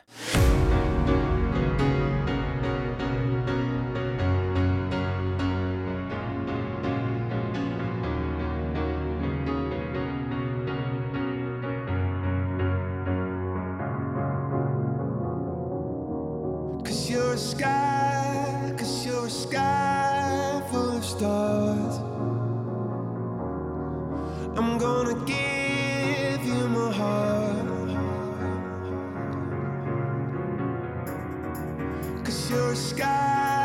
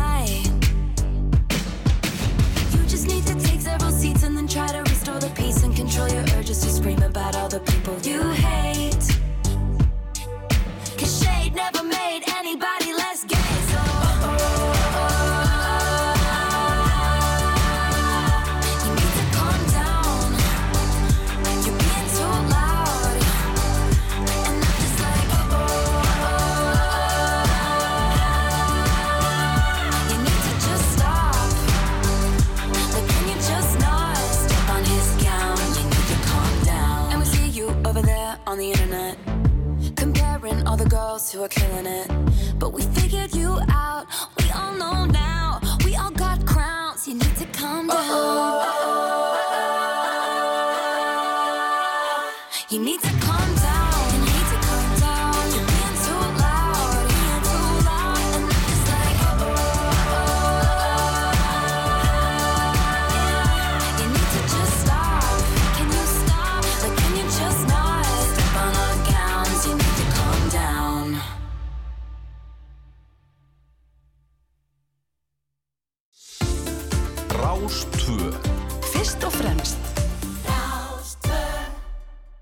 Við erum að ræða hérna saman ég og hún Elín Ingvarsdóttir Elín hérna Margrét Ingvarsdóttir ekki bara kallaði það meðan þú ert hérna hjá mér Já. Hitt er svo svakalega langt Já, já. Við vorum komin að því að þú varst búin að vera á Íslandi 1989, ert þá búin að eignast e, eitt barn, er það ekki, maðurinn þinn í Mexiko og það einhvern veginn gaf augarleið að þú, þú gast ekki haldið að vera í Íslandi þannig að, og svo alls konar spennandi hluti sem að þú gast hugsaðir að skoða betur í Mexiko þannig að þú fórst aftur út. Já. E, þú ert lærið segir um mannfræði og mál, mál, málvísindi. Já. Já. Segðu aðeins frá hérna bara svona þessu rannsóknar sviði þannig í Mexiko sem að þú hafði svo mikið áhuga á. Já, ég ætla fyrst að svona aðeins að nefna það að sko ég lærði mannfræði og, og málvísindi svo var ég í dálleg svona professional krísu því að ég, ég sagði mér líka um mannfræði en aftur á móti ég, sé mig ekki sem rannsókna manneski í mannfræði því að ég held eins og góður Íslandingur þá vil ég helst vera að gera einhvað praktist og ekki vera svona að hugsa svo mikið og, og, og rannsaka svo mikið og ég skammaðist mín fyrir að vera að vilja rannsaka, ég vildi, ég þurfti að gera einhvað. Já. Þannig að þegar ég kem tilbaka til Mexiko svo kemur í ljós það er miklu, það auðveldast sem maður gerur, gerir sem útlendingur er að kenna ensku. Og, og ég hef alltaf gert grína þú, ef þú ert útlendingur og hefur enga pappýra, þú kennir ensku, það skiptir engu máli hvort enskan þín er góð, hvort þú vitir nokkuð um kennslu aðferðir, hvort að þú komir úr landi þar sem er töluð enska. Það skiptir engum máli, Nei. þú bara kennir ensku. Og ég var, ég, fyrsta vinnan sem ég fekk var í, það, þetta var svona á fyr, í fyrirtækjum, þá klukkan áttum morguninni fer maður og kennir ensku og ég man svo vel eftir manniskan sem ætlaði að ráða mig, segir við mig, ég segi, já, ég er með B.A.prófi í málvísindum frá Brandeis og hann segir, mér er alveg sama, kanntu ensku? Já, já, hérna er bókin, farð og kendu, þú veist og, og, og þannig að ég fekk reynslu í kennslu Já. í ensku. Það endaði með því að ég fekk stöðu í háskóla Mexiko sem í, í ensku deild. En ég vildi alltaf, ég hugsaði alltaf um svona tungumál og mannfræðina. Og að mörguleiti finnst mér ég hafa, ég var eina sem fyrstu sem voru einmitt að segja, heyrðu, ef við ætlum að kenna tungumál við þurfum líka að hugsa um um menningu. Og, og það er ekki fyrir mörg á, mörgum árum setna að, að menning, svona mannfræðilega hugsunarháttur, kemur inn í ken, tungumál á kennslu 2000 áratöyu. Ekki fyrir en það. En ég var miklu fyrir bara ég búin að átta mér á. Þannig að ég fekk alltaf ægilega flotta reynslu og, og eftir það, þetta er pindi floknarinn það, en ég, ég byrjaði að gera einhvað sem ég mér langaði mikið að gera og vera í fullorðinsfræslu í, í lestur fyrir fullorðið fólk Það er að segja fyrir fólk sem kann ekki, fullorður fólk sem kann ekki að lesa. Já, klími við bara, sem sagt, ólæsi. Já, já. ólæsi, já. einmitt. Það vildi ég, alltaf vildi ég gera og ég gerði það. Og svo, og svo frekar nýlega, segjum fyrir 15 árum síðan, þá allt í hennu komst ég í þessari braut sem ég eiginlega vildi vera með en þá er þá, er, þá snýst það í, í, í kringum kennslu, tungumálakennslu og já, ég er í spænsku líka, ég kenni spænsku sem útlenskt mál. Að, að, að, að það sem að þið langaði alltaf að gera Elín, að blanda saman tungumála hérna, kennslinu og því og mannfræðinni. Já, og, og mentun gera einhvað praktist mér finnst, ég, ég get ekki ég ger einn rannsóknir en ég verða að vera að gera einhvað praktist og, og þá er ég í ég er í tungumála kennslu bæði ensku og, og spænsku og líka indjóna tungumálum ég er í, í kennslufræði ég, ég sé um kennslufræði fyrir fyrir þessum málum og líka og þetta er alveg nýtt svið fyrir Mexiko svona tungumála kennslu fyrir indjána tungumálum. Já. Það er alveg nýtt og núna erum við í, sko í sögu Mexiko þá er allt sem hefur verið með indjánum að gera hefur farið í gegnum alls konar svona prósess. Og það er eiginlega eftir 94 þegar Zapatista hreyfingin var, ég veit ekki hvort þú mannst eða hef, hefur hér talað um það, ég, ég, ég, ég verið mjög nálagt því, svona hefa mikið náhuga á og ég segi það er að því að ég er íslendingur að maður er svo sjálfsæður ég vilja ekki hafa þú veist, er, eru fyrir líðveldi Já, ummitt og þess vegna hef ég haft mikið náhuga og, og, og verið í svona hreyfingunni. Og eftir það 94 þá hafa margar þá hafa stopnaðir settar til að styrkja indjána menning og tungumál. Því að stjórnin það er, til að koma í jafnfæði þar sem stjórnin segir ægi já þessi, þessi reyfing er að sína okkur þetta er líka okkar ábyrg sem stjórn. Og núna er, er fórsiti sem heitir AMLO, Andrés Manuel López Obrador eitt af því sem ég held að sé það er doldið erfitt að vita nákvæmlega hvert við erum að fara núna í þessari stjórn. En eitt af því sem er að ske er það að indjána menning og tungumál er, það er tekið tillit til þess svona institutionally. Og, og núna er eiginlega, ég held fyrsta skipt í, í sögu Mexiko að það er byrjað að tala um kannski að kenna náall eða eina þessum tungumál, indjána tungumálum í skólum þar sem að eru krakkar sem tala. Eru frumbyggjar sem já, eru. Einmitt. Og um, Og, uh, hefur þetta þá verið bara, hvað, litið á þetta sem svona skömm eða hefur þetta ekkit verið, hefur fólk skamma sín fyrir að tala þessi tungumáli? Já, segjum, Mexiko er ægilega stjættaskipting, þó að fólk tala ekki um það, en það er stjættaskipting. Miðstjættin verður alltaf út af yngu, annarkvort ertu fátegur eða frekar ríkur, en, en miðstjættin er alltaf að þjást. Og það er út undan og við erum alltaf, við erum, ég er missett, við erum alltaf að reyna svona að lifa það af en það er, það er alltaf einhvað sem fer á mótið okkur. En sjórninnar í gegnum, maður telur alltaf fórsita tímabill sem, sem að styrkja indjána menningar og svoleiðis og, og, og það er alltaf talað um e, e, frá byltingunni sem byltingin, mexikoska byltingin var 1910 og endaði 1921 þá, þá hef, hefur alltaf verið sagt að þú veist, indjánar er, er ægilega sterkur hlutur menningarinnar og, og maður ber mikla virðingu fyrir það. Á daglega lífi Er er, þessi stjæstaskipting ægilega sterk og að vera indjáni þykir dóla skamp. Þannig að sérstaklega á mín kynnslóð og kannski pínti neðar, þessi kynnslóð, það er, það er alveg ótrúlegt hvað foreldrar í, í svona indjánaþorpum ákveða að tala ekki tungumálinn við krakkana af því þau vilja ekki að börnin sín fari í gegnum svona niðurlægingu þar sem þau voru niðurlægt. Já.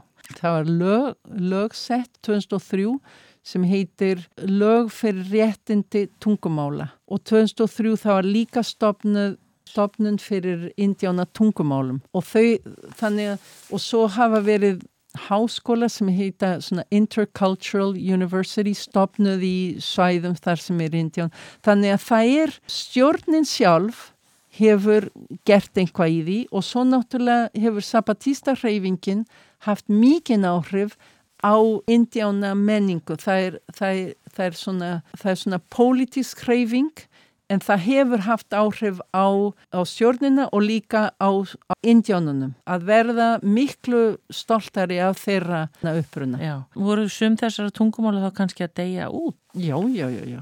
Núna eru töluð, síðasta kannun segir að það er svona 7,5 miljónir indjánar sem tala einhvað tungumál. Eitt af 68 tungumálum og það eru svona fimm aðal tungumál eins og, eins og náall sem var talað að astekum og, og mæja tungumál, það eru minnstusti fimm mæja mismunandi. mismunandi tungumál sem eru töluð í Mexiko og svo er Guatemala líka fleiri á, úr mæja fjölskyldunni. Það, það eru 11 tungumála fjölskyldur eins og, og indoevróska er einn fjölskylda, það eru 11 svona og svo 6-7-8 það, það er erfitt að málvísindafræðingar og alls konar fólk er, er að, að velta sér fyrir hvernig maður eigi að greina þessi tungumál, Hva, hvernig maður eigi að, greina þau. Vegna þess að það eru tungumál sem maður segir til dæmis Mazateco. Mazateco er, er tungumál í Oaxaca ríki en, en þessi innans gæsalappa eru að mörguleiti tungumál fyrir sig Já. vegna þess að hvernig maður lýsir tungumál yfirleitt er ef, ef að þú getur skil, ef maður getur skili hvern annan þá er það kannski tungumál eða svona mállískur. Það er, það er málvísindafræðingur fra, franski sem segir tungumál er mállíska með her á bakvið. þá er það tungumál. Vá. þannig að það er erfitt að segja hvað er tungumál og hvað er, er ekki tungumál eða því að eins og ég segi Masateco ég, hef unni við svona við indjána fólk sem tala svona indjána tungumál frumbyggja tungumál. Og þau segja, heyrðu ég get ekki tala við hinn. Og þau geta bóksta, það er ekki bara að þau vilja ekki því að þau, svo er það spila rullu. Þau bara skilja ekki endilega Við hvort annað. skilja í alvöru því að það er líka oft, það er svona barátt að það er fólk sem, sem segir að ég skil ekki þetta fólki sem tala þarna í þorpinu við liðina en það er að því að þau vilja ekki skilja. Elin, það er aldrei verk að vinna. Við hefum getað he, he, sko, eitt heilum sko, heitli þátt að röðum þetta verkefni. Já. Ætlar að halda áfram í þessu? Er, er baráttu andin alveg á fullu hjá þér? Já, já, þetta er einmitt það sem ég stefni á að, að vera í næstu árin. Í mín, mínu sviði sem, sem er aðalega kennslufræði og, og tungumála kennslu m- í allt sem hefur við, með menningu að gera. Því að uh, mín kenning er að eina af mörgum ásöðum til þess að styrkja tungumálum í, er það er svo ríkt svona sem maður verður ekki bara fyrir fólki sjálft, heldur fyrir mannkinni sjálft. Já. Allt sem, öll, öll kunnáttan, öll sjónarmið, aðferð til að horfa á heiminn og það er þannig að ég er alveg í því Á næstu fullu, árin já. á fullu. Elin, þú eh, hefur haldið íslenskunni, mamma og pappi sem sagt bæði fallin frá, eins og svona litla Ísland, litla íslenska þorpið þitt, svolítið farið. Hvernig, hvað gerir þú til að viðhalda íslenskunni fyrir nú utan að koma til Íslands í heimsóknir? Já, ég, ég veit ekki en ég verð að gera það, þú veist, það er, það er eiginlega mikil þörf. Það gæti verið, það er möguleiki að ég komi í orlosár hingað. Ég er jáfnvel, ég verið að tala við fólkið í stofnun Vigdísar Finnbóadóttur, kannski að við getum gert einhvað verkefni saman Mm. um þessi tungumál og, og ég sé á Íslandi og þá, þá myndi ég virkilega Já. gera í því að, að bæta við íslensku násólis. En ekki þá að þú þurfir það. Þú talar mjög góða íslensku. Finnst þér þú, þú skilur nánast allt? Já, en ég þyrti að, að geta virkilega tjáð mig svona á akademiskan hátt Já, líka, já. skrifa, Og það lágur það enginn, ég menna það vantar svolítið æfinguna. Já. Rétt svona í, í lokin, Elín, svona að þinni fjölskyldu, þú átt tvö börn og þau búa, það er svona, hvað ég var að segja, þeir eru svona uh, fjölskylda sem er dreifð út um allt. Já, eins og góður íslendingar, Já. já. Dóttiðin er í... Dóttir er í Breitlandi, Írinni, Já, hún er í Breitlandi, hún er kvikmynda gerðakona, er, en getur gert allt hitt líka. já. Talar hún íslensku? Hún talar, hún skilur mikið því að hún, hún var heppin og hún hefur, hún hefur svona tungumála ratar, sko. Já. Já, so, sonur minn, hann er í San Francisco. Mm. Og hvar hittist þið? Hvernig hittist þið? Í Mexiko? Já, við hittumst í Mexiko yfir leitt um jólinn en svo, svo í, bara núna um jólinn þá vorum við í San Francisco því að greiða Andres, hann gat ekki farið frá Ameríku því að hann er að býða eftir svona, svona Græna. grænakortið. Getur ekki hreift sig. Þannig að það var ekki um hann að ræða, við þurftum að fara til öll til San Francisco. Nei. En hvað, hérna, þegar þú komst núna til Íslands, ég veit þú ert á leiðin út aftur, hvað var þá langt síðan þú komst síðast? Hvað liði? Liði Ég vissi það, mamma veiktist 2011. Hún- Ég hugsaði, það væri gott fyrir hann að koma til Íslands. Ég samfærið pappa um að láta leifinni og borga okkur ferðina. Svo kom ég ekki 2016 en svo, og svo dó pappi og svo 2017 þá kom ég til að halda minningar að um pappa.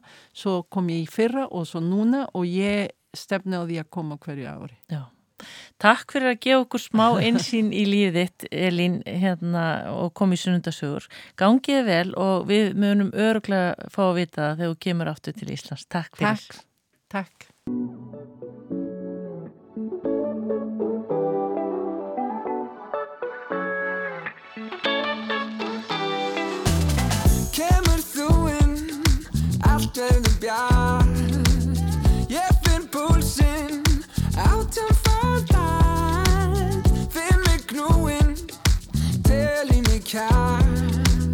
Von og trúi, að ég hitti mark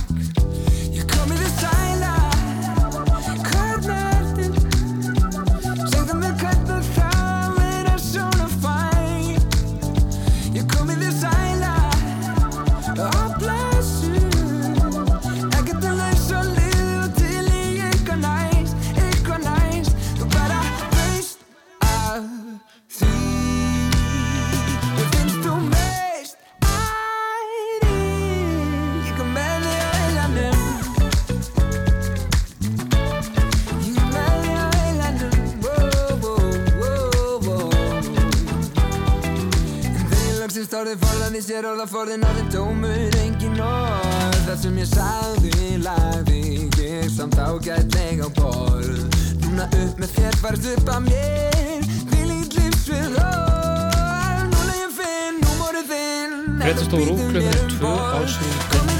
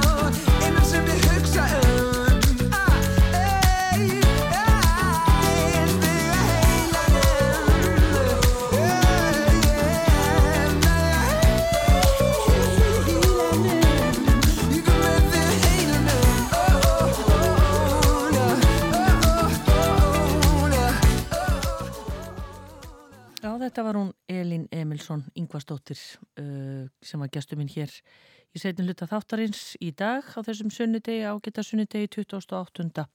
júli og við eigum smá tíma til að hlusta tónlist við ætlum að heyra hér næst uh, Bubba Mortens og uh, Katrínu Haldoru syngja hér lagið Án þín